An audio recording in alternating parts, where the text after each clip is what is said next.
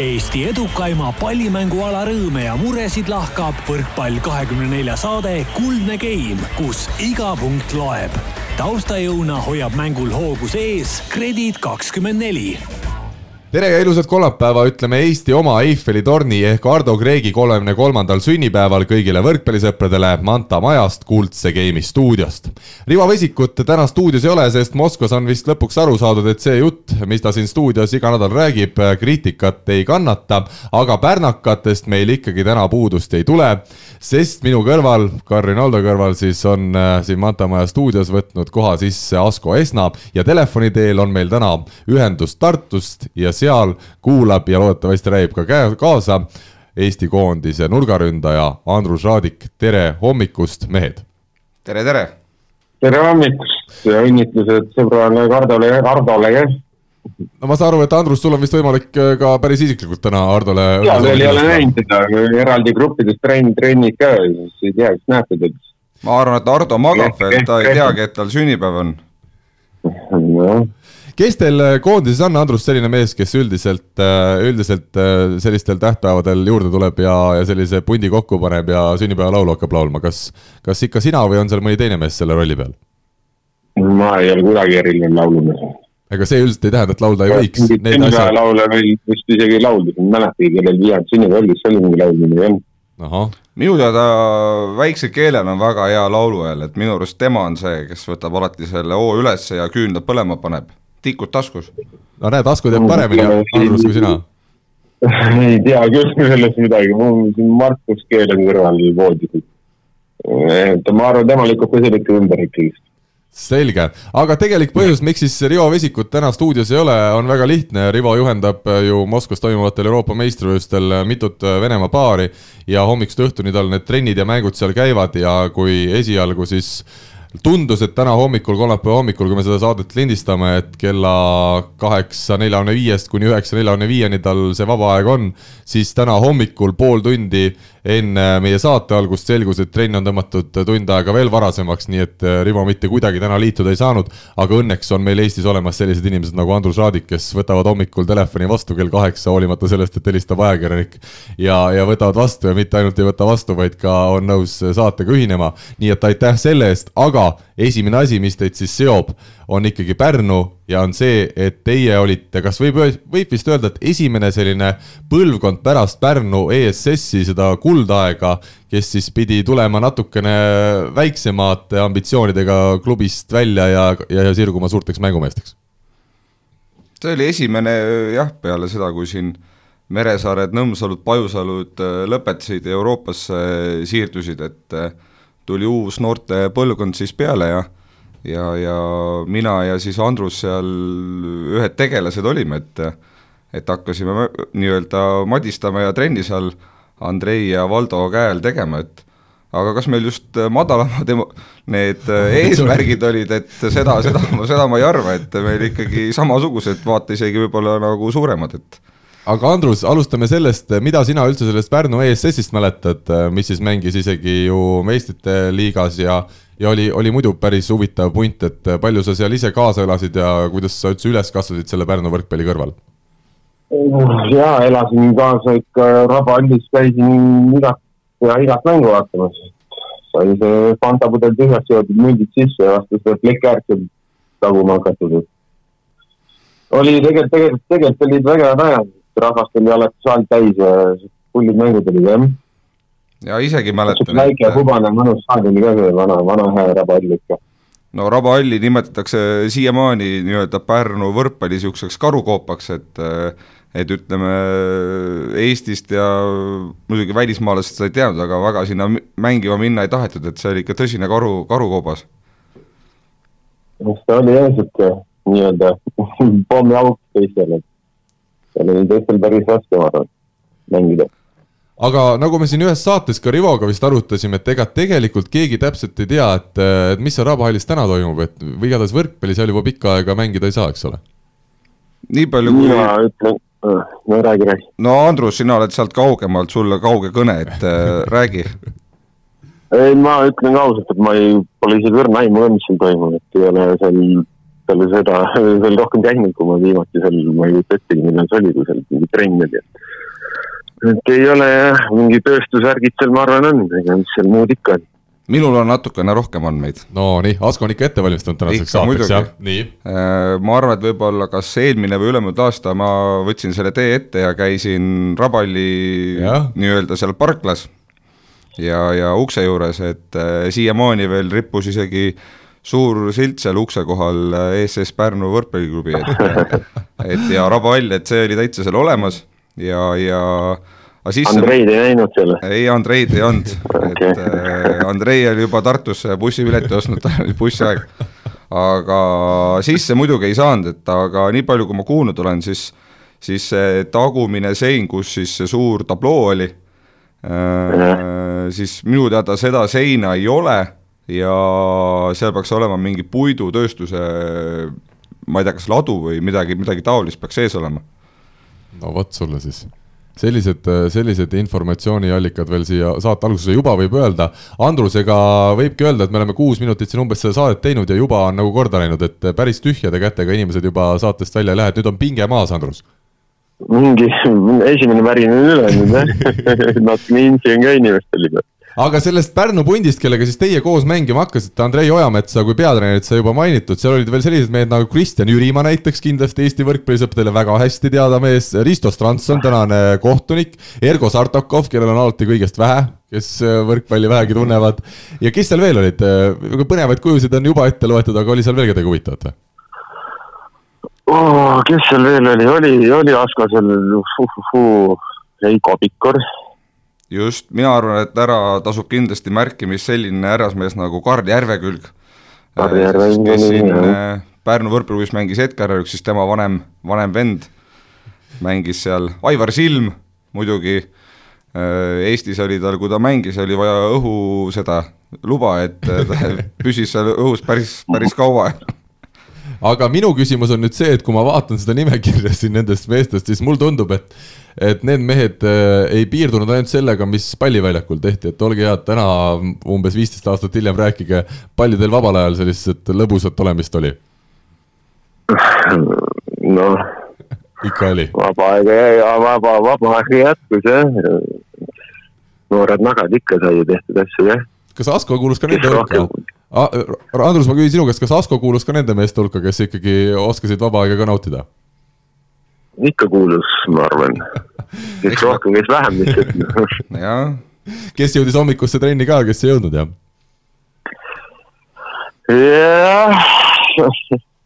no üldjuhul, eks me ikka nii-öelda hommikused trennid ja õhtused olid ikka alati kõik olemas, et et seda, et ikkagi nii palju pikali siin eelmised õhtud läksid, et neid, neid kordasid oli ikka, ikka väga-väga-väga vähe, et kui üldsegi oli, et et aga. oli paar korda. aga jah, teades sinu käekäiku, siis seal jah, mõni, mõni hommik tuli ette. mida Andrei Ojamets sellisel hetkel, nendel hetkedel tegi, kui oli natukene teada, et ei olnud võib-olla see kontsentreeritus sada kümme protsenti olnud eelmisel õhtul võib-olla spordil? no eks sai seal Rabahallis äh, jah, seda põrandat ka poleeritud ikkagi, et. et pesitegi põrandat või? Ei, mitte ei pesnud, aga lihtsalt sai siis äh, nii-öelda liblikad sinna hüpatud siia ja sinnapoole ja ja eks siis keerati selle treeningul vähe rohkem seda vunk, vunki ka peale, et et, et äh, nii-öelda julgesid ennem teha, siis julged nüüd ka siin trenni teha, et äh, siis sai seal jah, nii-öelda ikka kõvasti higistatud ja möllatud. Andrus, mis sul meelus, meeles on? Teine variant on see, mis Rabalis oli, see väike puta seal nurgas, nii-öelda treenerite ruum, siis kutsuti otse sinna jutule. ja kardinad, need rulood lasti mõnusalt niimoodi alla ja ja siis teised, kes seal väljas olid, võisid ainult ette kujutada, mis seal saama hakkab. ta käis jah aga kuidas teil esimesed aastad siis selle ühise mütsi all seal Pärnus äh, läksid, mis teie need meenutused nii-öelda mängulised on, kas äh, olid need ilusad aastad või, või pigem mitte? Minul on. minul isiklikult tegelikult päris minu esimene aasta minu arust jäi pooleldi vahele. ja no nii, kas siis oli juba need jälle need muud põhjused või oli seal vigastus või? noh, seal oli muudel põhjustega seotud vigastus nii-öelda, et ma hankisin peapõrutuse omale ühes asutuses ja, ja siis ma ei tohtinud teha trenni ikka jah, tervelt, mis ma hakkasin kevadel alles tegema, viis kuud. no vot. aga minu mälestused on see, et ma mäletan, et kõige esimese üldsegi siis Eesti meistriliiga mängu me mängisime Võru varas spordihoones või siis ütleme spordikoolis, selles saalis, et et seal on, oli esimene meil meistriliiga mäng üldsegi. et äh, seda ma mäletan ja, ja, ja mis meil siit esimese hooga veel tuleb juurde, et äh, mäletan, et me olime suhteliselt selles suhtes nagu, kuigi me olime noored, et äh, Andreil oli ikkagi tükk tegemist, et meid seal ohjata niimoodi, et äh, et ühel päeval me võisime tõesti nagu väga korralikult ja, ja südikalt ja ütleme nii-öelda täpselt plaani järgi mängida, samas teisel päeval oli see vanker ikka väga, väga kraavis, et äh, polnud seal rattad all ja katuse peal ja ei saanud nagu üldse aru, et selles suhtes oli niisugune Ameerika mäed ikka seal. Aga teil oli ikka väga noor võistkond vist tol hetkel, jah? Teie olite ka siis umbes sellised seitseteist, kaheksateist, kui te hakkasite seal meistriliigas ja kohe ka nagu päris põhirolli kandma? no täpselt niimoodi see põhituumik oligi jah, et eh, mõni mees seal võib-olla oli niisugune, kes oli noh, ütleme siin Sartakov ja Stranson ja Karl järelikult olid natukene saanud ennem seal selle suure ESS-i pingi otsa peal seal olla ja vähe trenni teha, aga meie olime jah, täiesti nagu uued ja ja, ja selles suhtes niisugune jah, krobeline see värk meil seal oli, et aga meie jah, nii-öelda visati vette, et uju, ujud välja või uju Asko, ole hea, räägi Andrusest, millise mängijana sina teda alguses mäletad, milline see esimene mälupilt Andrusest on? no minul on üldsegi, ma saan seda nii-öelda ajaakent veel poolt tahapoole no, pöörata, et et noorteklassis, et äh, Pärnus oli sel ajal siis Pärnu spordikool ja Pärnu ESS võrkpalliklubi, et siis Andrus mängis selles Pärnu ESS võrkpalliklubis, kuigi ta alguses, käisid sa Andrus ka ju Johannes Noormäe alguses olin Noormäe all, jah. jaa, aga siis ta, siis ta tahtis minna kehvemasse satsi lihtsalt. no vot ta ei paistnud mis asja, mis sats? ta ei paistnud minu selja tagant lihtsalt välja. peaks selle Google'i lahti lööma ikka, kui palju keegi neid võite seal sai ikka. No ja igatahes selles suhtes mäletan küll Andrust, et sai omavahel seal madistatud päris nagu kõvasti, et. Äh, aga oli ta hea mees siis tol hetkel juba noorteklassis või? no eks ikka selles suhtes, et ma arvan, et juba needsamadki asjad, et kes sinna lõpuks siis ESS-i nii-öelda edasi läksid need noor, noor, noormehed, et et siis juba selles suhtes see, see fakt juba näitab, et Andrus oli seal, mina olin seal ja seal mõned nagu veel, et et noh, eks ta mängis juba noorteklassis juba niisugust oma võistkonnas liidri rolli ja mängis viiulit, ütleks siis, kui sedasi kujundlikult, aga ma Andrust väga ei kujuta viia, viiulit mängimas, nii et mm, mina ka ei kujutaks. ärme seda kujundit siin kasuta. et aga noh, Andrus on noh, nagu me kõik praegugi teame, et kompromissitu võitleja ja, ja, ja ja ütleme, ta ei jäta nagu niisuguseid teadmisi nagu enda teada, et ta ütleb selle otse, otsejoones ja kõvasti välja, et et selles suhtes, kuna ise ka niisugune suhteliselt nagu noh, lähed nagu selle loomuga kaasa, mis seal platsi peal toimub, et et niisugused võitlejad me olime ja, ja selles suhtes, et äh, mäletan Andrus nagu selles suhtes ikkagi väga tööka mehena. nii, kindlasti kõigil võrkpallisõppedel tekib nüüd küsimus, et kas Andrus Raadik oli juba noorena selline ülevalt äh, sõrmedega vastuvõtja, Asko, sina mäletad seda? vot siin vähe see pilt hakkab tuhmuma juba, et, et eks ta ikka oskab ju alt ka võtta, et aga, aga minu mäletamist mööda tal see suuremaks trumbiks oli ikkagi rünnak pigem rohkem või Andrus ei olnud nii või? ma ei mäleta isegi ausalt öeldes nii, see on nii ammu ikka üleval. pigem ma, ma arvan, pigem kaldun arvama küll jah, et mulle meeldis juba siis üleval pigem rohkem, et. Aga Andrus. aga jah, ei mäleta nii täpselt nagu neid asju jah, või mingeid mänge. ole hea, Andrus, nüüd meenuta natukene Asko Esnat, ma loodan, et, et see, see sul meenub kohe hoopis väga eredalt, et, et millised sinu esimesed mälestused Askost on? Asko Esta, no mis, ta on samamoodi ikka, ma ei teagi, mis positsiooni sa noorte, mängisid sa nurka ka või? ma mängisin nurgas ja keskelt. ma olen isegi sidemängijat mänginud seal kaks aastat vanematega, nii et kõik positsioonid on mul tuttavad. okei okay., no nii palju, ma mäletan, eks ta oli samamoodi võitleja, hing on poisil sees ikka endiselt seal, et et jah, nagu ta ütles, et oli see spordikooli mees, noh, võistkond siis ja, ja see ESS-i, et eks me seal olime seal, kord oli üks peal, kord teine, et kord üks loputas kolm-null, kord teine, et seal põhimõtteliselt vist oligi, ega Eestis väga, väga, väga harva oli keegi teine finaalis kui Pärnu ESS või siis spordikool, et on, sai, sai väga kõvasti madistatud jah, nende Pärnu linna üks, sisene värk. üks äh, lahe seik Andrusega meeles see, et äh, kui viimast aastat A-klassis olime ja mängisime A-klassi meistrivõistlusi Pärnu rannas, siis äh, Andrus nägi seda karikat, mis esimene koht saab, et et siis ma mäletan siiamaani seda lauset, et ilma, Asko vaata seda karikat, ilma selleta me siit ära ei lähe. ja te ei läinud ilma selleta ära või? muidugi mitte. ei läinud jah, ja nii, et Asko Esna ja Andrus Raadik on Eesti A-klassi noort, meistrid siis rannavalles. just see oli, see oligi siis viimane turniir meil üldsegi noorteklassis ja ja, ja Andrusega koos seda nii-öelda äh, mängisime, et minu arust, kui ma ei eksi, siis äkki finaalis võisime olla, kes praegugi siis äh, rannaliival nii-öelda tooni annab siis Urmas Piik, ma ei mäleta enam täpselt, kellega ta ma ei mängis. mäleta, kes teine oli jah, Piik oli kindlasti. jah, et, et äh, nii-öelda eks me andsime talle korraliku õppetunni, et näed, nüüd nii-öelda madistab siin Eestis korralikult.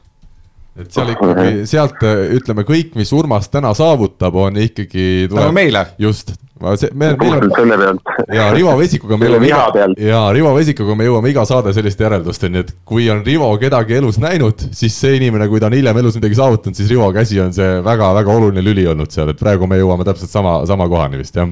No see on see pärnakatel sisse kodeeritud, et kui ikkagi näha on, et kuskilt on käpp mängus olnud, siis tänu meile. just nii, aga kaks tuhat seitse oli üks väga õnnetu aasta, ma kujutan ette, Andrus Raadiku elus, sellepärast et Asko Esna otsustas siis minna Tallinna Selverisse mängima, mäletad sa, Andrus, seda ka, sina jäid ju veel pikaks ajaks Pärnusse mängima, et, et ega ilma Askota läks vist ikka keeruliseks. kaks tuhat seitse Asko läks, läks jah Selverisse või sinna, mis ta siis tollel ajal oli, Audentese.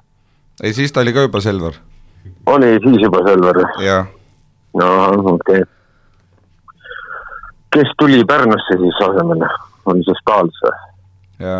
ei, esimesest aastast kohe Järvekülg.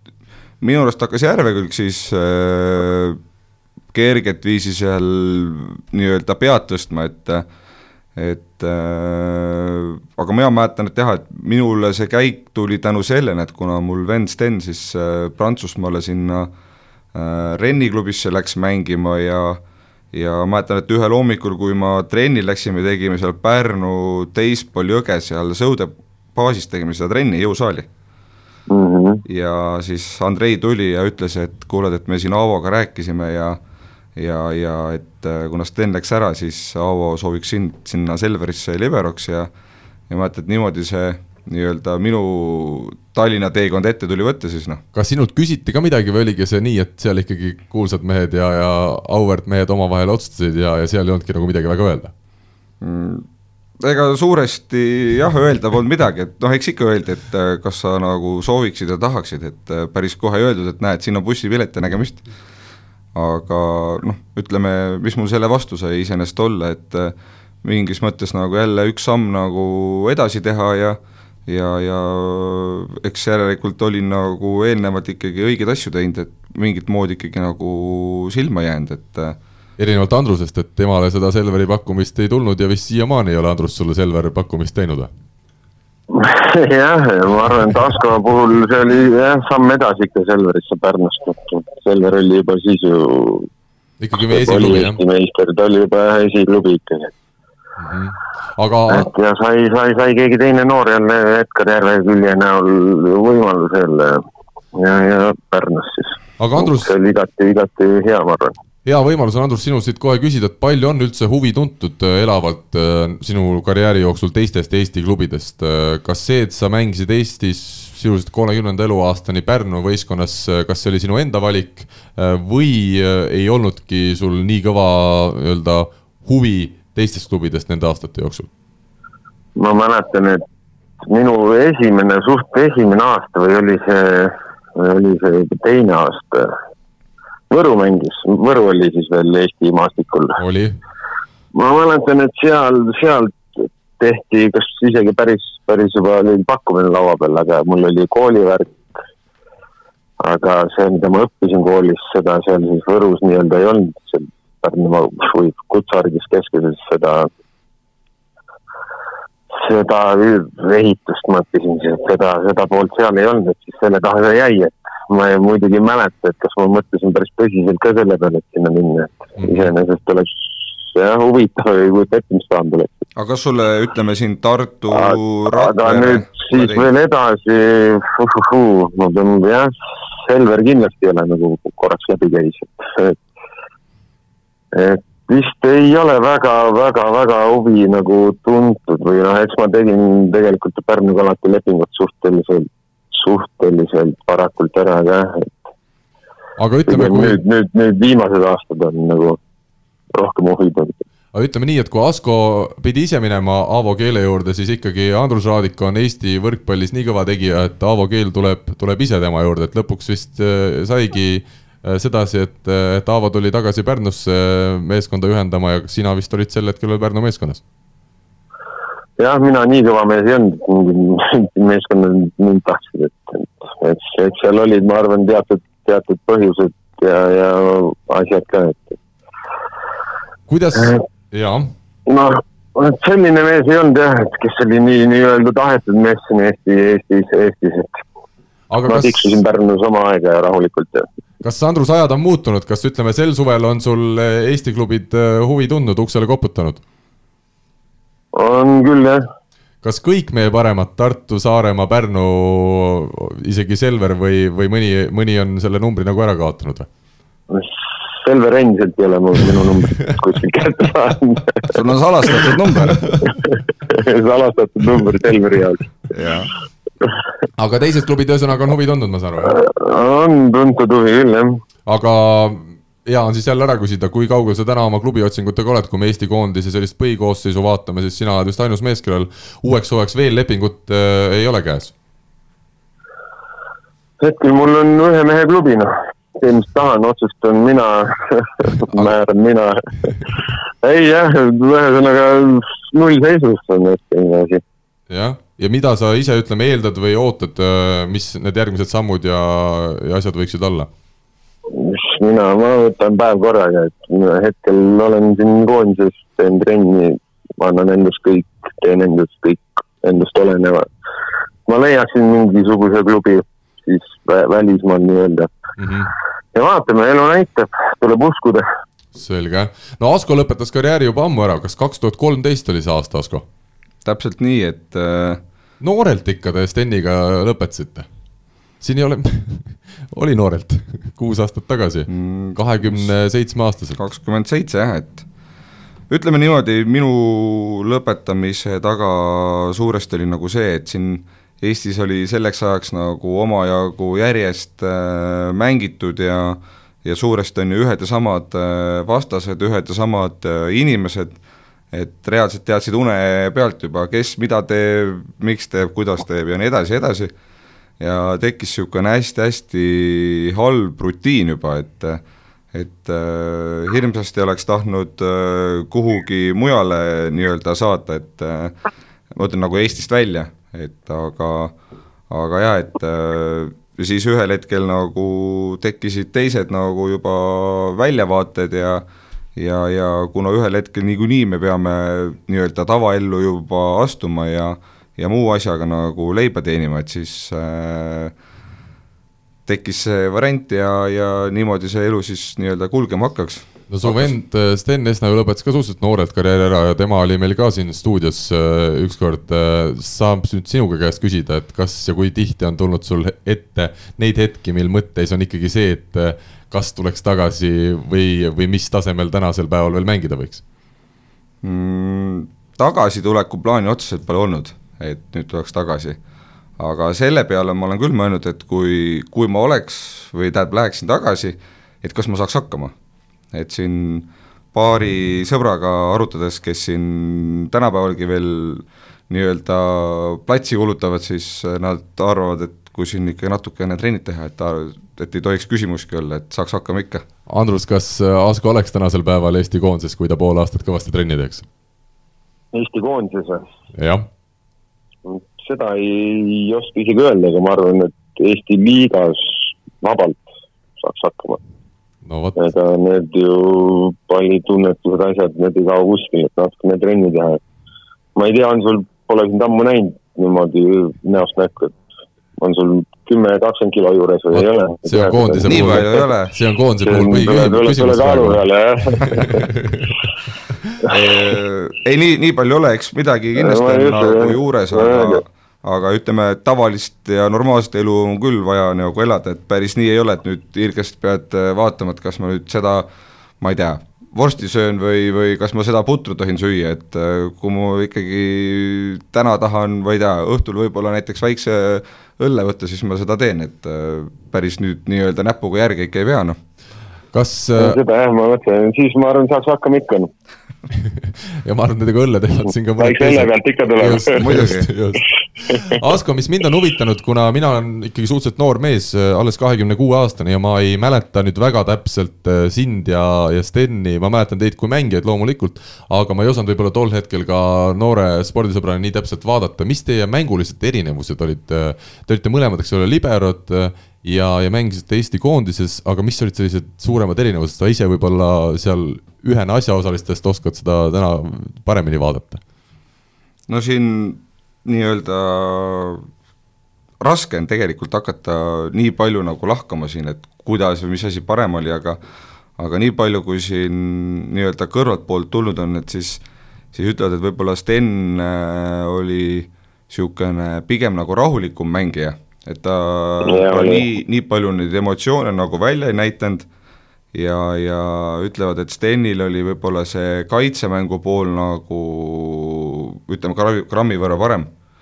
aga ma olin jah, niisugune emotsionaalne ja, ja ja seal platsi peal, kui seal näiteks Andrus seal möirgas meie pool platsi, siis see ilmselgelt tähelepanuta ei jäänud. Ja, ja, ja oli vaja ju ikkagi kohe oma emotsiooni sealtpoolt vastu näidata ja aga, aga jah, et vastupidiselt nagu, kus see kaitsemäng võib-olla vähe parem, siis sul oli rünnak parem, aga libero seda ei olnud vaja. nojah, sellest siia, siiamaani pandigi sellepärast liberoks, et äh, muidu poleks teised saanud üldsegi Eestis mängida, et no, aga ütleme, et minul oli jah, sellest see vastuvõtt nagu parem, et äh, et ma tean jah, siin vahepeal ka oli nii-öelda see kombinatsioon, kus siis äh, mina võtsin äh, servi vastu ja Sten mängis kaitses ja ja kui siin veel tuua kolmas nimi Rait Rikberg mängu, siis äh, oli samamoodi, et äh, mina võtsin vastu ja Rait mängis kaitses, et et seda kombinatsiooni on Eesti koondis siin kasutanud küll no Sten meenutas meile seda, et ega väljakul, ole sa või vend, ikkagi see sportlase hing, see jääb peale. Et, et ma saan aru, et Steniga ikkagi mingi hetk oli teil täiesti selline olukord, kus, kus ei tahtnud ka väljaspool platsi väga, väga rääkida, sellepärast et lihtsalt väljakul ei läinud nii tõsiseks, ütleme, omavaheline konkurents no see oli ikka konkreetne venna, vennatapusõda, et seal, seal ei olnud nagu mitte mingit armu andmist.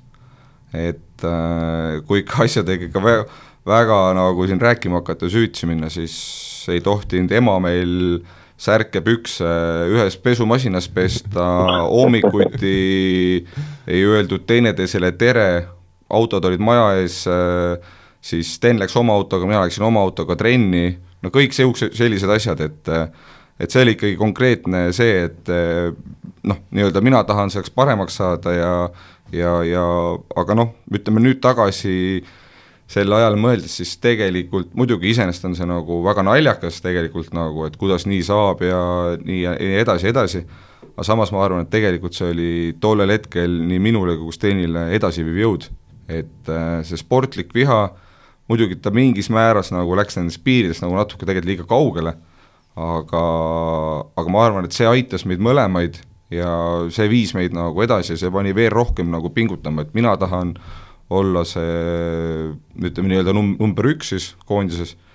Ja, ja kui nii võtta, siis Sten on must neli aastat vanem, algul Sten mängis pikki aastaid, ütleme esimest viiulit siis äh, lõpuks sain selle viiuli ikka mina enda, enda kätte ja siin ja... võib seda väljendit kasutada, seda kujundlikku, mida Andruse puhul ei võinud, see viiuli sa, sa oled ikka viiulimees, jah? mina olengi see viiulimees. Aga ühesõnaga pärast karjääri lõpetamist, nüüd, nüüd, nüüd, nüüd. Andrusel tekib küsimus, väga hea, nüüd tere, nüüd tere ikka ütlete ja sööte ühe laua taga. ja nüüd selles suhtes ei ole meil mitte mingit nagu omavahel, pole millegagi rivaalitseda, et, et selles suhtes, et äh, kas me just üksid iga, võivad samasse pesumasinasse minna. lõpuks ema lööb ka kahe käe, kahe käega pea peal plaksu kokku, et enam ei pea nii palju pesupulbrit raiskama. jah, aga ei, nüüd jah, kas me just iga nädal räägime, aga siin üle nädala kindlasti, et äh, ja, ja kui nüüd siin Tallinnasse ka kole-, kolitud sai, et siis äh, saavad siin lapsed omavahel mängida ja ja saunalavale mahume ka ära, et seda on, seda on rõõm kuulda, et, et ma saan aru, et pärast seda karjääri lõpetamist ikkagi äh, olite normaalsed vennad äh, edasi jälle. jah, siis alles see vendlus hakkaski peale. ja teinekord on nii, et kui on selline, ütleme, olukord olnud võib-olla karjääri jooksul, siis pärast osatakse jälle rohkem nagu kokku hoida ka. kindlasti, et äh, ma arvan, et see äh, võib-olla ongi nagu natuke rohkem nagu kokku nii-öelda kasvatanud meid, et et äh, hiljem siis siin nii-öelda rääkides nendest asjade peale, siis tegelikult see see toob niisuguse mõnusa muige näo peale, siis mõtled küll, et kuidas nagu nii sai, aga aga, aga sai. mina kuidagi saan sellest aru, mulle tundub, et Andrus on ka, me võib-olla mõlemad Andrusega oleme ka inimestena sellised emotsionaalsemad või, või kuidas siis öelda ja mina küll kuskile spordis ei ole jõudnud, aga aga harrastajana ma ka ikkagi võtan väga südamesse kogu seda asja, mis ma teen ja kui ma teen, siis ma teen ikkagi maksimaalselt, et mina saan sellest täielikult aru, et kui on väljakul üks koht liberale ja kaks tükki korraga väljakul ei saa olla, siis võib tekkida seal see, ütleme, kõva konkurents, selline väga tõsine konkurents küll ja, ja ja see mulle tundub pigem ka, et see on nagu norm-, normaalne isegi mingis mõttes, kuigi tavainimene võib-olla vaatab, et kuidas see võimalik on tõesti. Ja kindlasti on see normaalne, et lihtsalt meil juhtus veel kokku, et olid vennad ja olidki iga päev ninapidi veel kodus ka koos. just, kuule, aga Andrus, ma küsin, ma küsin sinu käest sellist küsimust, et äh, sinu vend mängis siin ju ka aastaid äh, kossu erinevates Eesti ütleme siis võistkondades, et äh, kuidas teil selle läbisaamisega oli? ohoh, ta läks ju ka suht noorelt tegelikult Eesti peale nii-öelda rändama, et kodust, kodust teda väga-väga palju ei olnudki, et eks, eks me ka alguses tegelikult jah, kuidagi, meil oli lihtsalt nagu me ei rääkinud või, või, või et ei suhtlenud omavahel väga palju. kui kõrvalt tollel ajal vaatasid kuidagi teisi vendasid, kes nagu igapäevaselt suhtlesid, siis meie nagu olime jah, sellised ka oli, meil oli lihtsalt niisama elulisi hõõrumisi ja omasid jutte, et aga tänasel aga ei päeval, nüüd, nüüd, nüüd ja on kõik korras, suhtleme, ei ole mingit probleemi selles. ma küsin siis lihtsalt legendaarse, sihuke võib-olla oli selline puberteet, puberteedi aeg ka või ma ei kujuta ette, et aga ma küsin nüüd äh, tagantjärele vaadates, kas äh, Andrusest oleks saanud hea korvpallur ja Rainist oleks saanud hea võrkpallur või kuidas sa sellele otsa vaatad? Ütleme nii, kehaehitusi vaadata, siis võiks küll see asi pigem vastupidi olla, et, et, et vend on ju ka, mis ta nüüd on, kaks null kaheksa. Mhm. ka sihuke, et korvpalli jaoks, korvpalli jaoks võiks tal seda massi natukene rohkem võib-olla olla. et võrkpallurina ta jah, ta käis ju samamoodi tegelikult võrkpallitrennis ka ajal, kui käisime seal Noorme all. nii et kadunud talent. Ta jah, ma, ta ei oska öelda nüüd, isegi talle vist ei meeldinud lihtsalt võrkpall, et läks, läks sinna Kossu peale, tal sõbrad ka pigem olid kõik seal Kossu peal, aga kui me hakkame nüüd, kui me hakkame nüüd ütleme sinu ja venna tiitleid äh, kõrvutama, siis äh, kumb kodus mööda seinasi kõndima peab? ei no mööda seina, selles pole küsimust, kes mööda seinasid käib, tema käib ikkagi. aga tiitlit, tiitlit, tiitleid vaadates siis ikka mina jah, selles suhtes, et ta on ju siin noh. Tartu Rockis ju mängis ju, kus ta võitis tiitleid ja Kalevis ja noh, seal nii-öelda ta oli pigem ka vist see nii-öelda rollimängija.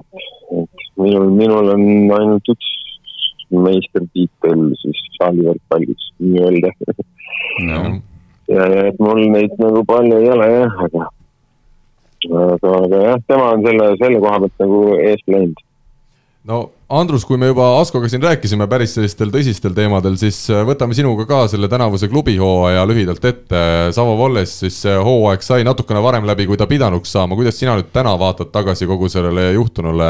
meenutame siis, äh, pean endale ka tuhka raputama pähe, et ega see intervjuu tegemise ajastus ei olnud vist kõige parem, et sul olid seal veel paar mängu ees ootamas ja, ja kuna sa seal peatreenerite eesotsas kõige üsna, üsna kriitiliselt äh, tema siis äh, tegutsemist äh, kommenteerisid, siis said ka enne, enne neid vist pronksi mänge sealt tulema, et kuidas sa täna mitu kuud hiljem sellele kõigele tagasi vaatad? jah, minul see hooaeg täpselt, täpselt neli päeva varem läbi, kui ta oleks muidu saanud mis ma vaatan, jah, ma olen tegelikult päris palju mõelnud või, või ma ei tea, kui keegi küsib, kas ma kahetsen, ei kahetse absoluutselt, et, et see oli selle hind ja, ja, ja see hooaeg oli nagu ta oli, et eks ta oli selles suhtes raske, et kaheksast hommikul oli jõutreening, ühest juba pallitreening, seal käis see trennis käimine ka niimoodi, et üks mees korjas siis nii-öelda eks selle mikrobussi, bussiga siis mehed kokku, siis sõitsime jõusaali, noh, see võttis ka ju oma paarkümmend minutit ennem, pärast jälle põhimõtteliselt kodus olemise aega mingi nelikümmend, nelikümmend viis minutit, siis vahepeal valisid, kas söön nüüd või lähen otse voodisse magama. Jõuaks uuesti trenni minna, pakkisid asjad kokku, võttis koti ja tuldi järgi jälle, läksid trenni. ja kogu õhtu oli vaba, eks ole, aga siis olid jälle nii väsinud, et ei suutnud midagi teha. aga sa olid algul, algul lõid kõik käsi kokku, oh, õhtud vabad, vägev. aga reaalsus oli see, et kui sa kolmest sai trenn läbi, neljast jõudsid koju, et sa reaalselt lihtsalt ei jõudnud enam mitte midagi teha. kaks trenni niimoodi, just see vastik nagu paus kõrval, oleks trenni isegi jutti pandud, oleks võib-olla isegi natuke parem olnud ausalt öeldes. aga jah, see oli päris keeruline küll, et, et mina, kui mina, mina olin seal ikkagi välismängija, et mina taht-, tahtsin, tahangi anda endast, endast sada kümme protsenti, et selle koha pealt oli nagu raske, et lihtsalt puht füüsiliselt ja isegi lõpuks vaimselt sa lihtsalt ei suuda seda, kuna need trennid on lihtsalt nii lähestikku ja, ja jah, tõsi see on, et iga päev nüüd ei olnud niimoodi kahvtrenn mm. -hmm. aga ma vaatasin ka, kui teil see, mäletan, teil oli saade, et Tiisar Mart ütles, et noh, et ta ütles ka, et iga päev ei olnud, palju oli kord nädalas, siis ma vaatasin ka kohe kõik need, hakkasin nüüd nagu ajakavasid vaatama, et neid oli ikka kolm-neli korda nädalas, et no see lõpuks tambib sind ikka päris korralikult ära. ja vigastused hakkasid ka tulema, et see oli näha, et äh, sul endal oli seal väikseid probleeme ja, ja mitmed mehed olid nii, et kes olid seal suure osa hooajast või, või poole hooajast edasi poolikud. jah, kuna meil oli mehi ka päris palju üle kolmekümneseid, et okei okay,, üks vigastus oli Ojansivu, kes nagu tekitas nii-öelda noh, õnnetusvigastus, et hüppeliigese peale trennis välja, et aga seal Sildalal ju tekkisid õlad, seljad, no tal oli ka selline muti ja seal oli veel neid asju jah, et sealt päris palju, noh, see ongi see, et liiga, liiga, liiga palju, liiga järjest, et, et, et, et aga... lõpuks hakkas sööma. Asko siit no, küsib mängu... ühe niisuguse no. küsimuse sinule, et äh, kui palju te seal sellele jõusaali poolele nagu tähelepanu pöörasite, et et mul on siin ühed andmed ütleme juba võib-olla siin kahekümneaastasest tagusest ajast, kus siis üks äh, võrkpallur tegi nii palju jõudu, et siis lõpuks läkski tõstjaks ära, et äh, palju, kuidas teil need selle jõuga lood seal olid?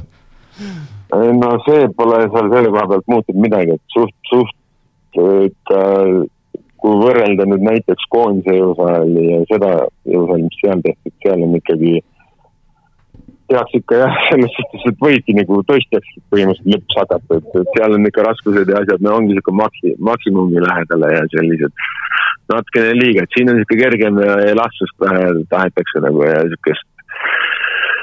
seal see jõusaal oli jah, selline vähe raskem ikka, et kükk, kükk oli ikka igas, igas, igas kavas sees, et sellest ei pääsenud üle ega ümber, et ühesõnaga raud-. oli ka noh, et kui sa seal seda jõusaali läksid kell kaheksa, et sul keha tegelikult kell kaheksa hommikul ei ole valmis ju ka tegema mingi saja neljakümnega kükki või noh, et see ka lõhub samamoodi ja, või siis ongi, et mingi aeg tahab sul jalaga sinna sammusesse ka veel, et tead, et järgmine trenn on kohe ees ootamas, sa hakkad kiirustama ka veel, et kiiremini koju saada, natukene rohkem puhata või noh.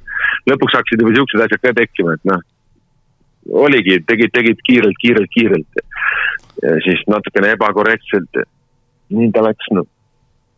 jaa küsin veel nii palju, kui, kui see klubist lahkumine tuli, palju sa ütleme sealt Soomest tagasisidet said, kas, kas ja mida sulle näiteks mängijad ütlesid, et äh, olid äh, nemad sellised toetavad pigem, et, et ütlesid, näed, et hea, et keegi lõpuks nagu välja ütles need jamad asjad või? ma mäletan väga hästi, kui see asi kõik välja tuli või noh, kui see Soome jõudis, Soome lehte siis nii-öelda. siis mul oli endal, enda nii-öelda kõige suurem hirm oli küll, et kurat, et nüüd ma rikkusin äh, nii-öelda oma meeskonna sõpradega suhted mm. -hmm. aga läks mingi sihuke, eks nad ise ka vist kohe torkima ei tahtnud tulla, et läks mingi viis-kuus tundi mööda. siis kirjutas üks sidemängija kohe, et noh, sihuke vaikselt hakkas, noh, et oled sa veel elus või mis, mis seisus sa oled nii-öelda. ütlesin ei, et jah, et kõik on korras, et et korke maha ei ole punninud veel, et selles suhtes ja ei ja, et see oli minu, minu jaoks nagu tegelikult ülioluline, et, et nemad nagu, et ma lihtsalt neid suhteid ei rikuks ja ma ei rikkunud neid, et nemad toetasid kahe käega, olid minu poolt, selles suhtes ei olnud, said asjadest aru. selle koha pealt oli väga super, et seal ja ka mujalt, et isegi noh, ma ei tea, kuidas jah, isegi üks, üks, üks, üks nii-öelda staffi osakonnast nii-öelda ütleme siis niimoodi, et ma ei hakka otse ütlema, kes, et, et et seal isegi see kirjutas mulle pika kirja ja ütles, et kõik on õige mm. -hmm. et noh, selles suhtes, ega olgem ausad, ega ma midagi välja ei mõelnud, poleks üldse siis öelnudki, kui oleks mingeid asju, ma ei, mõtet välja mõelda, kõik oli nii, nagu ma ütlesin ja lihtsalt see asi läks nii. ja ütleme see, see lihtsalt, kuidas see asi tegelikult välja kukkus, et kui sa mulle helistasid, et see, see oli ka ju meil oli, oli see viimane poolfinaali mäng, et siis ta. oli vist läbi saanud minu arust, kas meil oli, oli läbi just... saanud, see oli, see oli neljapäeval oli mäng, sa helistasid reedel äkki või? just. me saime nahad kolm-null vist. mul oli just kolimisaeg ka käes. mul oli seina peal suur siukene, mis see, kuidas seda nimetada, sihuke riidest nii-öelda, mitte vaip, aga sihuke noh, üks pilt. see oli kahepoolse teibiga pandud sinna ja siis ma hakkasin seda kahepoolset teipi järgmine päev peale mängu nagu siis nii-öelda maha nühkima. jõle kehvalt tuli, võtsin siis selle juuksekuivatamisfööni, et noh, et lasen sellega kuumaks ja siis hõõrun maha. noh, hõõrun ja hõõrun, siis näpud jumala villis, no kuum ka ja jumal, ise jumala kettas, no närvis, et mis asja, no vaatan, no okei okay., Reinaldo helistab, selge, tšau no ja siis ma olin ka ise nagu noh, eelmine päev kaotas ja siis see ka, no ja siis ma tulistasin täie rauaga sulle. Ja me nagu ja, nagu, nagu, nagu, nagu ma olen teistelgi öelnud, nagu ma ütlesin, et seal ma ütlesin ka sulle, see, mis ma ütlesin, mis nii-öelda siis lõpuks seal artiklis tuli, et see oli isegi leebe, et just, päris palju just. ma ütlesin sulle ka, et ära nüüd seda kirja pane, et Ja, ja. nagu ka päris paljud nagu ütlevad, noh, et mis asja Rinaldo tegi, mina ütlen alati, see on minu otsus, mina tahtsin ma lugesin ise ka selle veel kohe läbi, kui see välja tuli. mõtlesin ise ka korraks isegi, et kurat, et äkki on natukene liiga järsult pandud, siis mõtlesin, persse, et mina oma sõnadest ei tagane. ja, ja mina ütlengi, mis sai Andrusele saatuslikuks, oli siis see, et ühtpidi Andrus on liiga äh, selline profisportlane, kes tahab kõike maksimaalselt teha ja kui asjad ei toimi, siis ta saab väga pahaseks selle peale. ja teiseks äh, noh, see ka sinu iseloom, eks ole, et ega sa oledki selline tüüp, et kui midagi ei meeldi, siis sa ütled selle välja, okei okay,, profispordis sellist asja, eks ole. lubada selles suhtes ei saa, et klubi võib väga pahaseks saada, aga inimlikus mõttes jälle ma pean tunnistama, et ma saan jälle aru kõigest vaata, seal on see asi ka, mis hakkas nagu, kui esimene, esimene aasta näiteks oli sihuke, et noh, kõik uus huvitav ja oligi kõik hästi ja, ja. nii ja naa. tegelikult seal see ühiskond ongi natukene selline, et kõik ongi hästi kogu kõik peabki kogu aeg hästi olema, et isegi kui on midagi kehvasti, et kõik on, mis asja, kõik on hästi mm. -hmm. aga lihtsalt see viskas ka mulle üle, et kaotasime midagi, siis treener ka, et no, et ei no kõik on hästi, et ka vastane oli hea või minu arust võiks nagu ise ka natukene vahepeal ikka või peabki peeglist vaatama, et ei ole alati see vastane nii hea, et sihuke mujalt saab ka neid nagu oma vigu ei tunnistatud või kuidagi jah, kõik on nagu alati nii lillelapsed ja kõik on nii ilus ja päike paistab ja lilled õitsevad. aga Andrus, äh, kui sa võtad nüüd need kõik aastad kokku, palju sa seal Soomes mängisid, et äh, et äh, jäid sa ise nagu selles suhtes selle kogemuse ja selle mängulise asja ja elamise ja kõik see nagu rahule või, või midagi ikkagi kripeldab ka? Rahul, mina jäin väga rahul, selles suhtes juba puhtalt see äraminek nagu oma mugavustsoonist.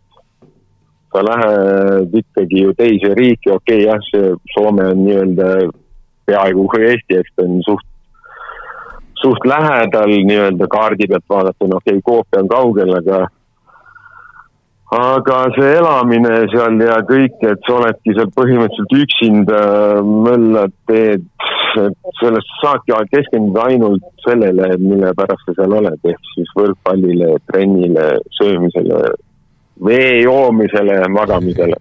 jaa, aga siit siit veel ka ju tegelikult see, et et äh, sealtsamuselt Soome Skopjas sa leidsid ka omale ju nii-öelda elukaaslase ja, ja peagi-peagi on teil ju sündimas äh, laps.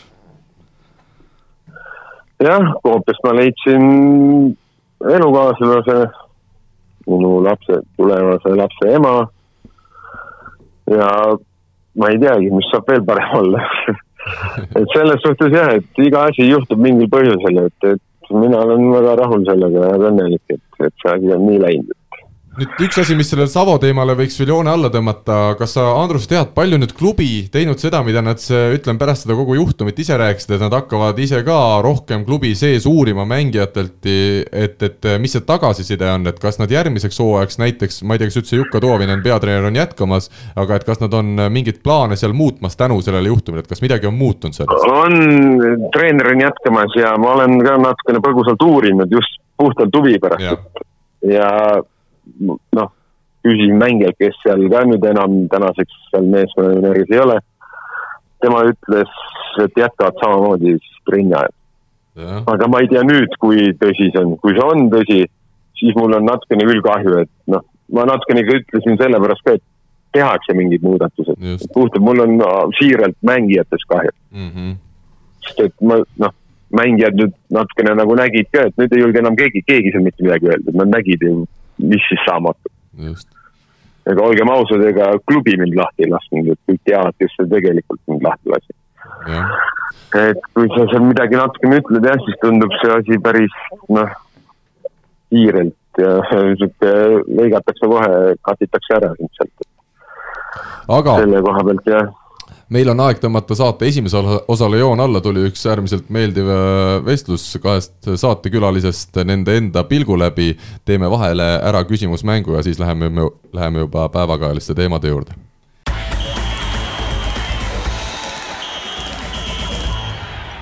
seonduvalt saatekülalistega puudutab äh, alati ka meie küsimus neid ja eelmisel nädalal siis Raigo Pärs oli meil külas ja uurisime järgnevat. mitu Lääne-Virumaa meespaari on parimal aastal mänginud Eesti rannavolle meistrivõistlustel poolfinaalis? ja õige vastus see on kaks tuhat neli on see aasta oli. ja võitsid siis Mait Murs, Harris Puusepp, teised olid äh, Andrus Palberg, Ivo Järvala ja neljanda kohaga pidid leppima Raigo Pärs ja Erki Truu-, Tuus, nii et kolm Lääne-Virumaa paari on parimal aastal mänginud Eesti meistrivõistlustel poolfinaalis, pole paha, nagu ütlevad klassikud. Jah, sealt Rakvere kandist on kogu aeg tegelikult äh, mängitud ja, ja antud juhul siis ka rannavõrkpallurid, et äh, et seal nad jah, nii-öelda kuidagi istub see järelikult, tuuled ja liivad on nii-öelda kokku sulanud, et et praegugi, kui vaatad ju rannapoole siin etappide siin ütleme, algus alagruppe ja pärast kohamängijad, siis seal ka annavad ikkagi äh, nii-öelda siis Rakvere mehed seal päris kõvasti tooni.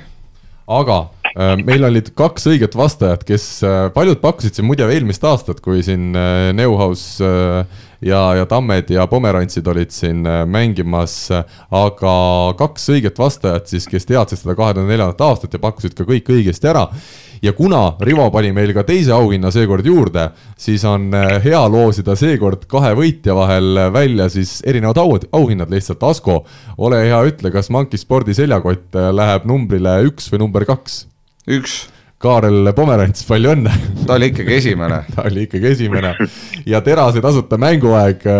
Andrus, ole hea, ütle sina number kaks. kaks. väga hea Tubli..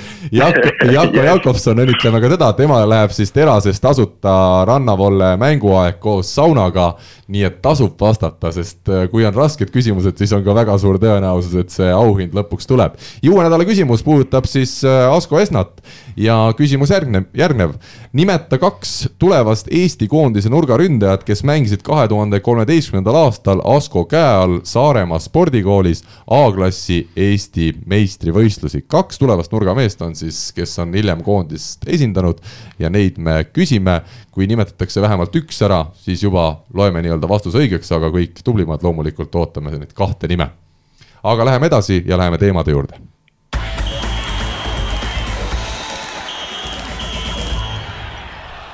no nii, esimene teema, kuna Andrus Raadik Eesti koondisena on meil siin äh, ka seekord saatekülalisena Tartust äh, eetris, siis ole hea, ütle paar sõna selle kaaluteema kohta, kui koondis kogunes esmaspäeval eelmisel nädalal, siis kuidas see kaalumine välja nägi, et enne kui äh, trenni hakati tegema, tulidki kõik mehed kaalu pealt läbi, jah? no ennem põhimõtteliselt küll jah, et seal oli väike istumine, jutustamine, et mis treener tahab ja mis plaanid on, eks seal. Ja siis läksime mm, järjekorras oli, olime seal kaalu ääres ja läksime kaalu peale. riburada pidi. riburada pidi käisime ära sealt jah, ja kes noh, kes, kes käis, kes ei käinud nii-öelda, et kes jah, sai kohe minna koju näiteks ja, ja kes, keda ei olnud üldse kohal, oli sul endal ka närv sees või? ei, minul ei olnud ausalt öeldes põhjust närviks. mis sinul see eesmärk mina, oli?, mina, minu eesmärk oli, sa mõtled kaalunumbrit või? mis ta oli, üheksakümmend, üheksakümmend kuus. aga kui sa Euroopa kuldiga lõpetasid, palju siis see number oli? vot peale, ei käinud peale selle kaalu peale ausalt öeldes. aga mingi hetk ma mäletan, ma käisin peale seda Hollandi mängu, et siis oli äkki mingi üheksakümmend seitse või alla üheksakümne seitsme. nii et sinu jaoks ikkagi probleemi ei olnud see üks kilo umbes? ei nojah, eks ta selles suhtes, eks ta, ei noh, eks ta ikka oli kõigil nagu enamustel nõksa oli üle see pool kilo või kilo, et see on, ma arvan, normaalne kah, et sa ei tee ikkagi, ikkagi mingil määral oli see natukene puhkus ka, et trenni muidugi tegid, aga sa ei teinud ju selliselt kaks korda päevas ja, ja sellise tambiga, et eks seda oli ju teada, et treenerid ju kuldliiga, peale kuldliiga lõppu, et seal ju oli jutt, kellel saadetigi ju need täpsed numbrid, kellel mis peab olema. mina ütlen ausalt, mina, ma ei saa öelda, et ma teadsin, aga ma arvasin kohe, et siin, et on tõsi väga. jah. kuidas siis edasi mindi, kui see, tuligi see kaalumine ära, Oliver Vennat ei olnudki tol päeval kohal ja Henri Treial siis äh, jäi just selle kaalu tõttu sellest meeskonnast välja, et oli see meeskond kuidagi alguses ise ka natukene ehmunud või, või kuidas need emotsioonid seal olid? noh, võib-olla, võib-olla natukene oli sihuke näha seda nii-öelda, et oh, et tehtigi ära, et Mm -hmm. ongi, ongi tõsi, et aga ei, nüüd on kõik korras, töö käib, ei ole nagu mitte mingisugust probleemi, et kõik, kõik on ju ikkagi ühe ühise eesmärgi nimel väljas ja, ja, ja see on, see on, see on nii, kui jah, keegi kinni ei pea nendest asjadest, siis on ju oli, oli ühesõnaga kokku lepitud ja nii pidi, pidi, pidi olema, et sinu kaalunumber on see ja kui ei ole, siis nägemist ja, ja nii täpselt nii läkski, et. aga Askol siit üks küsimus kohe, et et mängijad pandi kõik kaalu peale, kas treenerid ka käisid kaalu peal, et kas nendel oli ka kõik korras või et äh, jaa, see Mirko, Mirko käis küll jah, selles suhtes ei teagi, mis tal need numbrid seal täpselt olid ja mis olid enne või pärast. eks ta ka ikka käis jah, selle, selle koha pealt. aga üks asi, ära, mida ära teda pole saadetud igal juhul. järelikult oli korras. järelikult oli korras no,. treeneritel loeb ikka see, et, et mõttetöö nagu kaaluks, et, et ju siis mõttetöö veel jätkuvalt äh, kaalub ja, ja on asjad korras. jah, aga Andrus, mida mina olen nüüd kõrvalt kuulnud äh, või tähendab siis ikkagi koondise seest, on see, et mehed tulidki koondisse, ütleme paremas vormis, kui reeglina tullakse koondise kogunemisele, et, et sai kohe hakata nagu tõsise tööga pihta, ei pea siin kedagi enam nagu vormi viima hakkama, oled sa sellega nagu päri? ütleme nii, et peab kõigi ees mütsi maha võtma jah, et kuu, selle kuu, mis meil vaba oli, või meil oli isegi pikemalt vaba, meil sai juba kakskümmend kaks läbi vist, eks juuni.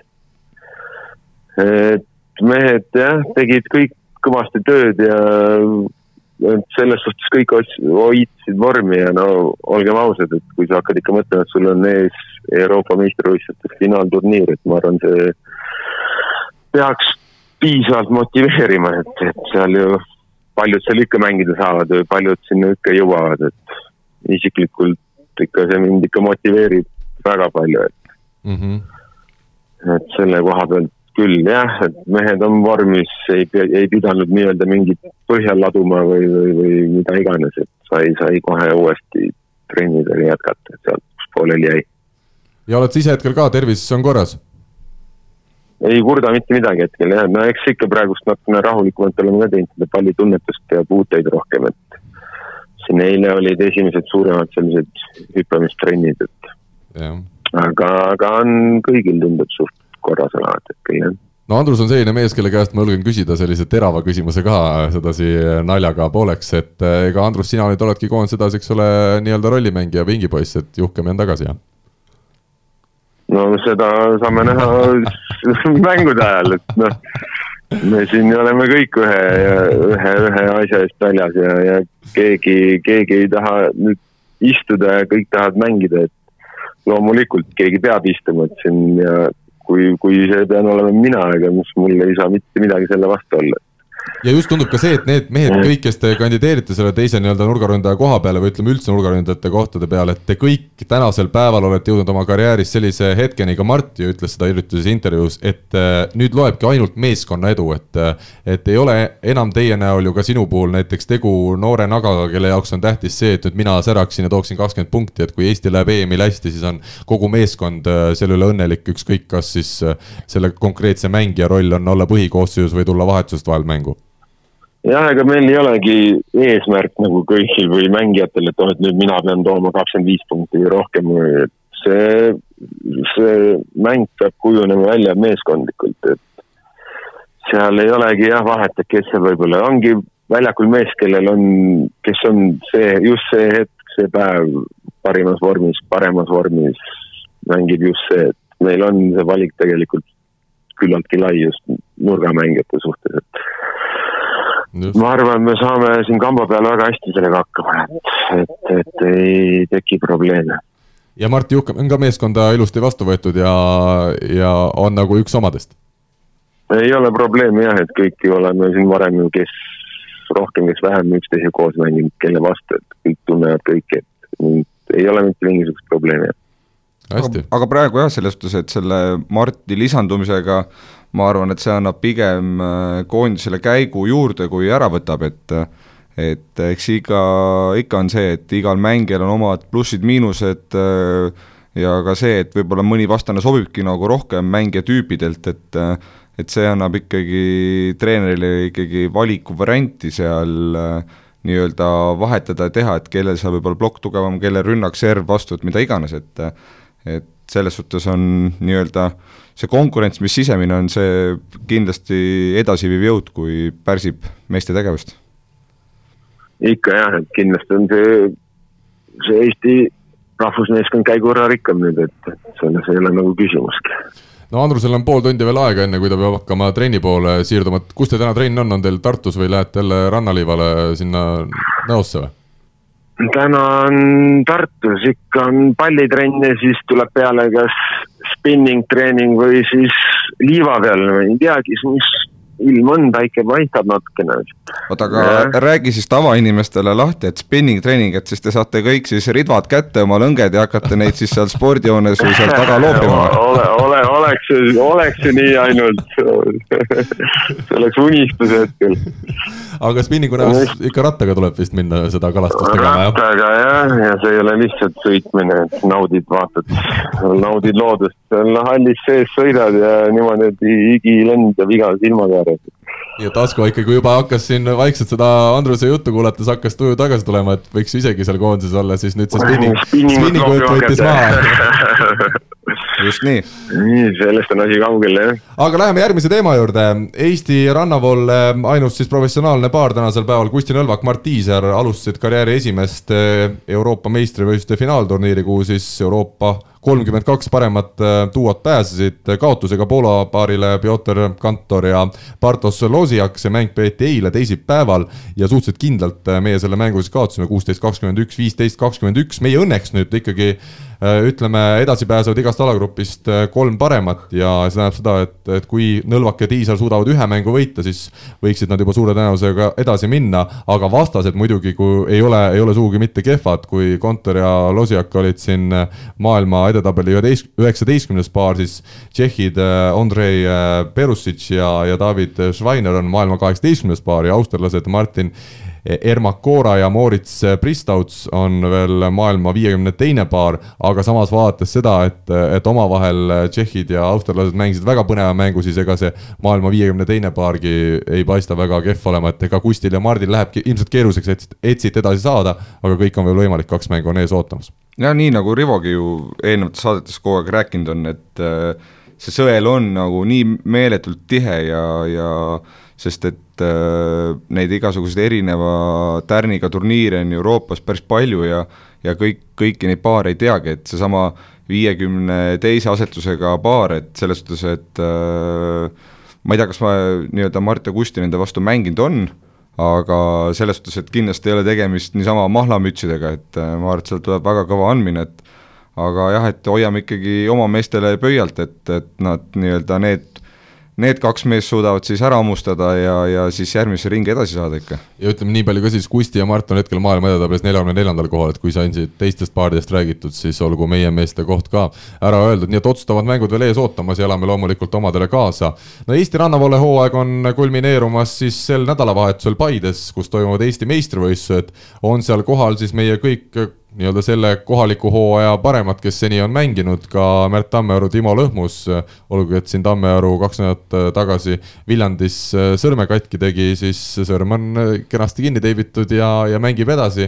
ja, ja väga huvitav oli muidugi see, et kui Tammearu ei oleks saanud mängida, siis Oliver Venno oleks juba Timo Lõhmusele appi tulnud, tehti seal isegi Tartus üks või, või paar koos trenni, et seda oleks muidugi eriti huvitav olnud näha, kuidas Oliver Venno praegu rannas oleks Timoga mänginud. aga, aga saab siis näha Märt ja Timot taas koos mängimas ja, ja huvitavaid paare on seal veel, Korotkov, Allik mängimas koos, äh, Kaarel Pomerants, Jarmo Neuhaus näiteks, samuti on täitsa uued paarid, äh, Argo Arak, Harri Palmar ja Mihkel Tanila, Kaspar Pomerants. et peab kohale tulema ikka Asko, jah? no muidugi tuleb minna vaatama, mis seal saama hakkab, et äh, kindlasti ma arvan, et tänavuse rannavoole suve siis nii-öelda kulminatsioon on peagi-peagi saabumas, et ja, ja see aastagi siin rannavoolega tihedalt nagu seotud olnud, siis äh, ma ütleks, et äh, võitjat on päris keeruline ennustada, et niisugune viimast aastat ütleme, üks tihedamaid nii-öelda rannavoolu suves üldse. No Andrus Raadik ei taha sind seda rannavoolu suve väga meenutadagi, Pärnus siis kas vist Kristo Kolloga mängisid seal ja ega enne, kui see mm, nagu mäng, mängud alatagi jõudsid, olite juba nagu pakkimas reketeid, nagu öeldakse teisel alal, eks ole ei, see oli minu arust väga lahe, et ma isiklikult ausalt öeldes ei olnud kolm suve üldse nagu rannavõrkpalli, ma ei tea, kas ma julgen öelda käes hoidnud, aga mänginud kindlasti ei olnud. et ja kui noh, Robil Tähe, Robert Tähen, siis tuli see vigastus ja siis sattusime Kolloga jõusaali Pärnus samal ajal ja siis ta ütles, et näed, et ikka värk, et oleks mängida ja siis ma ise pakkusin ka lõpuks kuidagi, et ma võin siis tulla, et mõtlesin, et lähme teeme õhtul ühe trenni, et vaatame trenni pealt, et kas siis noh, ega ma ise ka ei tahtnud, kui ikka üldse mitte midagi ei tule, et mis ma siin lolli mängima lähen. aga siis kuidagi jah, nagu, nagu otsustasime, et proovime. Ja siis tegimegi neli, vist tegime neli trenni enne seda turniiri, et ja siis läksime mängima, ei väga lahe oli. ja mängud olid põnevad, ega ma tegelikult alguses ütlesin ka natuke naljaga. ega me jah, et me selles suhtes häbisse ei jäänud, kui arvestades seda, et teised teevad ikkagi igapäevaselt trenni mm. -hmm. et meie tegime neli trenni ainult, mina ei olnud üldse kolm aastat mänginud, et noh, selle koha pealt läks enam-vähem ja päris, päris huvitav oli jah, et mäng mängult läks. ütleme nii, ma saan aru, mida ka siin Rivo Vesik alati räägib, et rannavõrkpallis on ütlus tähtis see, et kui pikalt sa seal liival oled olnud ennem ja noh, oled sa seal aastaringselt või oled sa seal kuu, et isegi see üks päev mõjutab nii palju tegelikult, et sa ikka harjud sellega palju rohkem ja kõik see pallitunnetus, platsitunnetus, nägemus, et mm. -hmm. et, et mul, minulgi läks iga mänguga, iga päevaga läks ikka palju paremaks, et eks seal on oma point sees, et kui sa aastaringselt mängid, et noh, seal siis annab nii metsikult tegelikult juurde, et rannavad paljusid. no teeme siis oli sellise..., oli, oli äge jah oli äge ja teeme siis sellise ennustuse veel lõppu, et me ei hakka Eesti meistrit ennustama, vaid ennustame, kuidas siis sellisel duol nagu Arak Palmar läheb. Äh, Asko, mis, mis kohta sina ennustad? veerandfinaal. veerandfinaal, äh, mis ütleb Andrus? mis süsteemiga nad seal on, on seal alagrupide alguses või on seal? peaks olema alagrupide alguses jah. samad süsteemid peaks olema nagu karikaetappidel vist jah no aktsiasse ma usun, aga Palmar tead on selline noh, nagu, nagu ta on tervitame siin Harri no, Palmarit. no paneme, paneme siis, jah, ma arvan ka, et sihuke veerandfinaal või siis. samat ei tohi pakkuda, ole originaalsem, Ardo. Davai, paneme, paneme siis poolfinaalne, jopab neil siis korra no,, korra elus. Ja ükskordki. ja mina siis teen, kuna, kuna ei saa sama pakkuda, siis ma teen täitsa ulmelise pakkumise, ütleme, et Argo Arak ja Harri Valmar mängivad Eesti meistrivõistlustel finaalis kuule, lõpetame ära siis vaatame, oleks liiale niisugune naljakas juba. paar asja meil veel rääkida, kui rannavoolest juba juttu oli, siis Helena Ollas ja Liisa Soomets, meie hetke parim naistuo, jätkab väga hä head hooaega. möödunud nädalavahetusel siis Seesises Ergos Cupil võitsid meie oma turniiri ära nii, et ei loovutanud lätlannadele, leedulannadele seal game'igi terve turniiriga. et tundub, et kui ikkagi tegeleda veel selle asjaga siis, siis Helene Ollas ja Liisa Soomets oleks täitsa rahvusvahelisel tasemel turniir, et need äh, võidud ei ole enam sellised juhuslikud ühekordsed sähvatused. no jah, et ma arvan ka, et, seal Pärnus nad juba selle võitsid, nüüd seal see teine turniir, et miks mitte proovida, et see on juba kuskilt läbi ka käinud, et. et see mõte on jah. lihtsalt, lihtsalt puhtalt proovimise pärast ja näed, näedki ära, mis tase sul nagu reaalselt on, et seal kuskil MK-etappidel või, või mingi, mingi nõrgema tärni, tärni etapil, et et ennast proovile panna, et miks mitte. no ja teine asi on kui see, et kui, kui, kui siin juba neil nii igavaks läheb, et ei anna game'igi kellelegi, et siis võiks nagu minna ja proovida. just, et ühtpidi võiks minna proovima mängima, aga teine variant on või teine mõte on ikkagi see tõsisem veel, et hakata ka tõsisemalt treenima, et, et saada veel paremaks ja siis juba oleks väga loogiline käik ka minna siis ennast välismaal proovile panema no ma ei tea, kõigepealt võiks, võikski minna võib-olla mingi, ma ei tea, mis tärnid seal on, üks, kaks, kolm tärni turniirile, proovida seal ja vaatad, noh, eks sa näed ju omad, omad, omad head, head ära ka seal kohe. no kind, kindlasti need, aastaringselt. kindlasti need lätlased ei ole siin ka nagu ainult nii-öelda mängimas, et äh, teades äh, lätlaste rannavoole taset, siis see on ikkagi päris kõrge, noh, meeste juures igal juhul ja ja naised ikkagi nii-öelda vaikselt tulevad sealt järgi, et et jah, et kui nagu selline turniirivõit meil nagu olemas on ja, ja siin veel see EVSA, mis Pärnus toimus, et äh, ma arvan, et siin võiks natukene siia jah, lõuna poole juba hakata nii-öelda bussipiletid ostma, et võiks ju ühe kuskil ära teha ja vaadata, mis see seis nagu siis on, et et noh, selles suhtes tore on nagu kuulda, et nagu naiste rannavoole osas nii-öelda teeme ka niisuguseid kiiremaid samme ikkagi, et mitte ainult ei mängi siin Maarjamaal no veerandfinaalis siis äh, olid sellel seisuse turniiril veel kaks Eesti paari, Judith Kurep-Pohhomov ja Renate Pikk naistest ja Märt Tammeõr, Timo Lõhmus meestest. aga kui vaatame veel edasi, mis paar teemat enne saate lõppu jõuame läbi võtta, siis äh, Mart Naaber Aga Volles uuel hooajal Soomes mängimas siis äh, Oliver Lüütsepa käe all.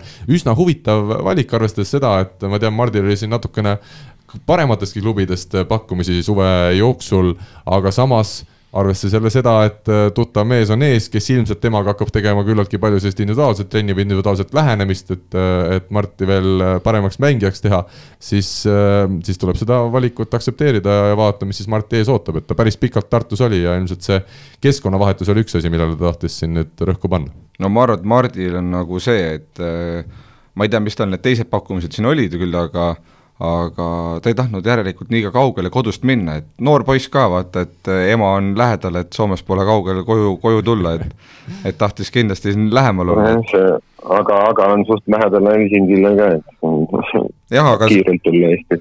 aga suures pildis ikkagi tegelikult on väga vahva jälle kuulda, et järjekordne nii-öelda äh, võrkpallur siis nii-öelda meeste osas meilt nagu välja siit ütleme Eesti suhtes pesast lendanud on ja ja, ja kindlasti sellega nii-öelda mees saab ise kogenumaks, näeb rohkem ilma ja, ja kui me vaatame seda pilti, et koondises ka, et äh, muidugi meil nii-öelda tempoosakond on päris niisugune äh, ütleme, hirmuäratav seal ees, et kindlasti saab tal seal raske olema seal teisi üle mängida, aga aga noh, ega siin ka tänagi ju Hardol siin sünnipäev, et pole ka enam siin kaheksateistaastane, et äh, eks ta peab ühel hetkel need sussid ka üle võtma. Kas sa oled ka, Andrus, juba ütleme Mardile alustanud neid era, erakeeleõpinguid soome, soome keele osas? Ei ole veel, et küll ta seal hakkama saab, et tal seal lihtsam ka, et üks eestlane on ees ootamas ja seal on päris palju mehi seal meeskonnas, kes on, kellega ma koos, me ongi po pooled neist, üle poolte isegi, kellega ma olen seal koos mänginud. küll need pursivad paar, paar sõna eesti keelt ka, noh, mitte Aa, küll kõige viisakamaid sõnu, mitte küll kõige viisakamaid sõnu, aga noh. Andrusel käib nii, et kui üldiselt lähevad mängijad välismaale ja hakkavad õppima siis seda keelt, kuhu nad parasjagu läksid, siis Andrusega on nii, et kuhu tema läheb, seal need kohalikud mehed hakkavad õppima eesti keelt, on vist nii? Noh, ei no ühega me seal ikka purssis, üks oli jah siuke ka seal tempomees, et kes nagu ikka purssis eesti keelt üritas ja küsis ja. ei, aga Mardist, Mardist, Mardil on hea meel, et ta sealt jah, Tartust või Eestist nii-öelda näeb välja, et olgu see siis kasvõi Soome, et seal ta saab kõvasti mänge, seal on mänge, et seal on kümme meeskonda ja mängitakse, ma ei tea, miks, aga neli ringi, eks, et. ja ma olen suht kindel, et ta on seal ikkagi enamus ajast platsi peal, et need tempomehed, kes seal on, on ka minuga mänginud, et ühes tiimis, et ma arvan, et ta peaks olema seal ikka no Eesti ja tempomeestest ikka sihuke põhitegija seal, et, et, et saab kõvasti tööd seal, ma arvan. aga tead, Andrus, sa ütlesid enamus ajast mänguplatsil, et see on selline päris äh, matemaatiliselt peab arutama hakkama, sest tead, teatavasti temporündajad ju tagaliinis olles lähevad välja ja tulevad sellised Asko-sugused liberod väljakule, et see enamus ajast, see ongi selline hea kui pool ajast väljakul no,, siis on juba hästi. ma ütlesingi enamus ajast käib servimas ka tagaliinis korra ära ja siis tuleb minema, jah? aga lihtsalt natuke üllatav oli see, et Gert Toobal ju jätkab karjääri Tartus ja mulle just tundus, et äh, et noh, hea oleks, tundub igal, igal mehel tänasel päeval sellise sidemängija kõrval nagu Gert Toobal äh, jätkata karjääri, aga, aga ju siis jah, Mardi jaoks oli see aeg käes, mil ta tahtis ennast mujal proovile panna ja, ja see on lõpuks tema enda valik. võib-olla Gert kiusab koondises liiga palju, ta ei taha just. see on ka variant jah aga lõpetuseks, Eesti Indiaka klubid pääsesid Indiaka klubid MM-il eelmisel nädalal viide finaali ja said viis hõbemedalit. kuidas teie mehed sellise ala nagu Indiaka vastu suhtute? mina ütlen, mulle tundub see küllaltki sellise imeliku tegevusena, et mina ikkagi jätaks selle palli sinna saali ja need sulgedega asjad kuidagi, kuidagi minule ei sobi, aga, aga võib-olla ma ka ei ole õige mees ütlema, kuidas teile tundub? No minul endal, äh, ma olen mänginud küll Indiakat natukene, kuigi ainult siin suvel lastega hoovis ja rannas kuskil niisama. seal võibki, jah. Aga ma ei kujuta jah, selles suhtes äh, ette, ma ei ole nagu kunagi vaatamas ka käinud, et äh, kui ikkagi reaalselt niisugust tulist võistlust, et kindlasti seal on nii-öelda alased omad mingid iseärasused ja kindlasti on see põnev ka, et aga ma ei oska jah, selles suhtes praegu kommenteerida, kuna ma ise ei ole nagu niimoodi näinud ja pole niimoodi mänginud ka, et et äh, aga kui meie omad nagu ikkagi viies, oli viis finaali jah? et jõudsid nagu ikkagi finaali, et äh, järelikult näitab selles suhtes seda taset ja meil ikkagi harrastatakse seda ja, ja meil on nagu ikkagi võtta väärt nagu võistkondas ja mängijaid siit. Andrus, oled sina sellest alast midagi kuulnud? kuulnud ikka olen ja sai siin korraks natukene vaadata ka seda enne trenni või peale trenni, mäletagi, et need ju samas seal spordihallis need toimusid, et jah, isiklikult jääks ka ikka palli juurde, et ei ole eriline sulgeda mees, et et, et jah, aga eks huvitav vaadata ikka ja sihuke, eks ta on natukene tehniline, tehniliselt ja ikka natukene justkui tundub, et on suht sarnane mäng, aga samas on ikka väga erinev, et, et sihuke teistmoodi jah, et.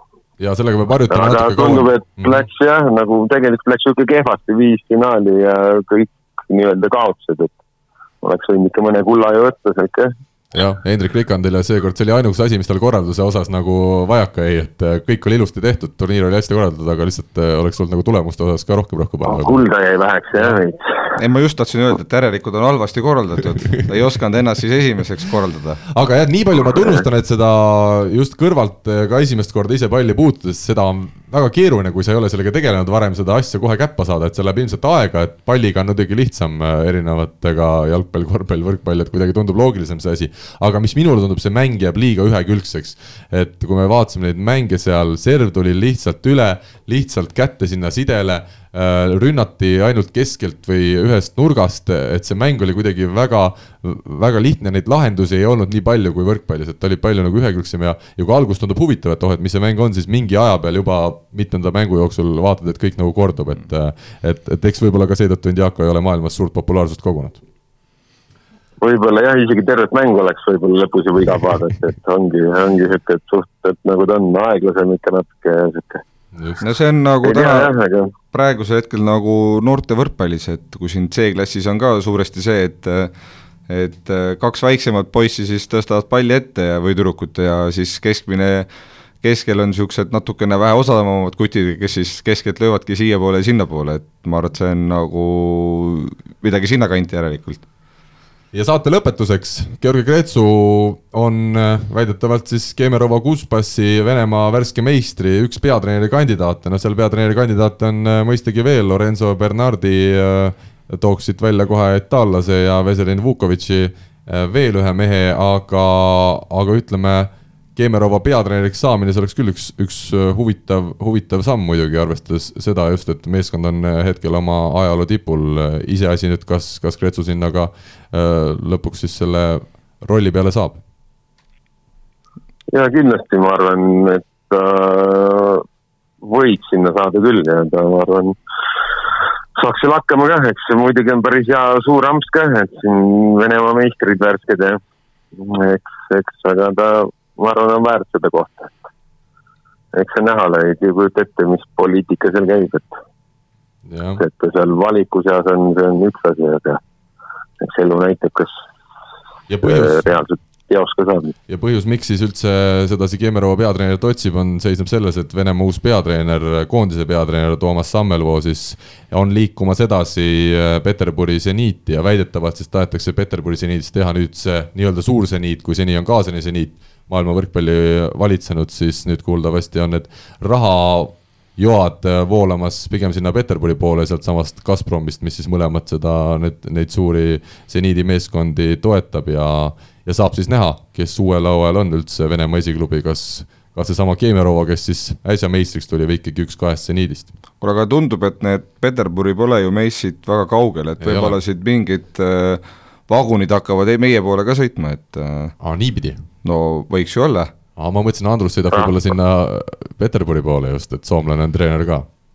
no mine sa tea siin jah, äh, Andrusel siin keel, keel suus, et ma ei tea, palju sa, palju sa omakorda so, seda vene keelt räägid.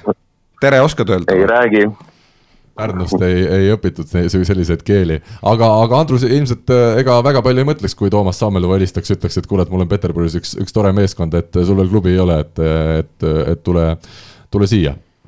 kuule, mõtleme ikka reaalsetest asjadest ja oleme ikka kahe jalaga maa peal, et ma arvan seda, seda, seda, kui Selverist ei ole kõnet tulnud, siis tule sealt ilma, eluilmast, et selle koha pealt, et ei ole üldse mõtet arvutada seda asja vot selline mees on Andrus Raadik, mulle see meeldib, alati otsekohene ka iseenda suhtes, teab oma piire ja teab oma võimeid. igatahes mehed, äh, aega on kulunud äh, selgelt üle tunni ja see annab märku sellest, et Andrus peab minema trenni ja Asko, kes siis tänasel päeval on Saaremaalt tagasi mandrile saabunud, peab ka ilmselt mingeid siin äh, trenne varsti andma hakkama. mul oli äärmiselt hea meel teid siin saates täna tervitada, minul oli see tund küll väga huvitav, ma usun, et ka kuulajate jaoks ta oli huvitav. aitäh teile tulemast, ilusat päeva jätku nii teile kui kuulajatele ja kohtumiseni juba nädala pärast. kõike head! aitäh teile, kena päeva! Eesti kõige põnevamad podcastid on Delfis, kuula tasku.delfi.ee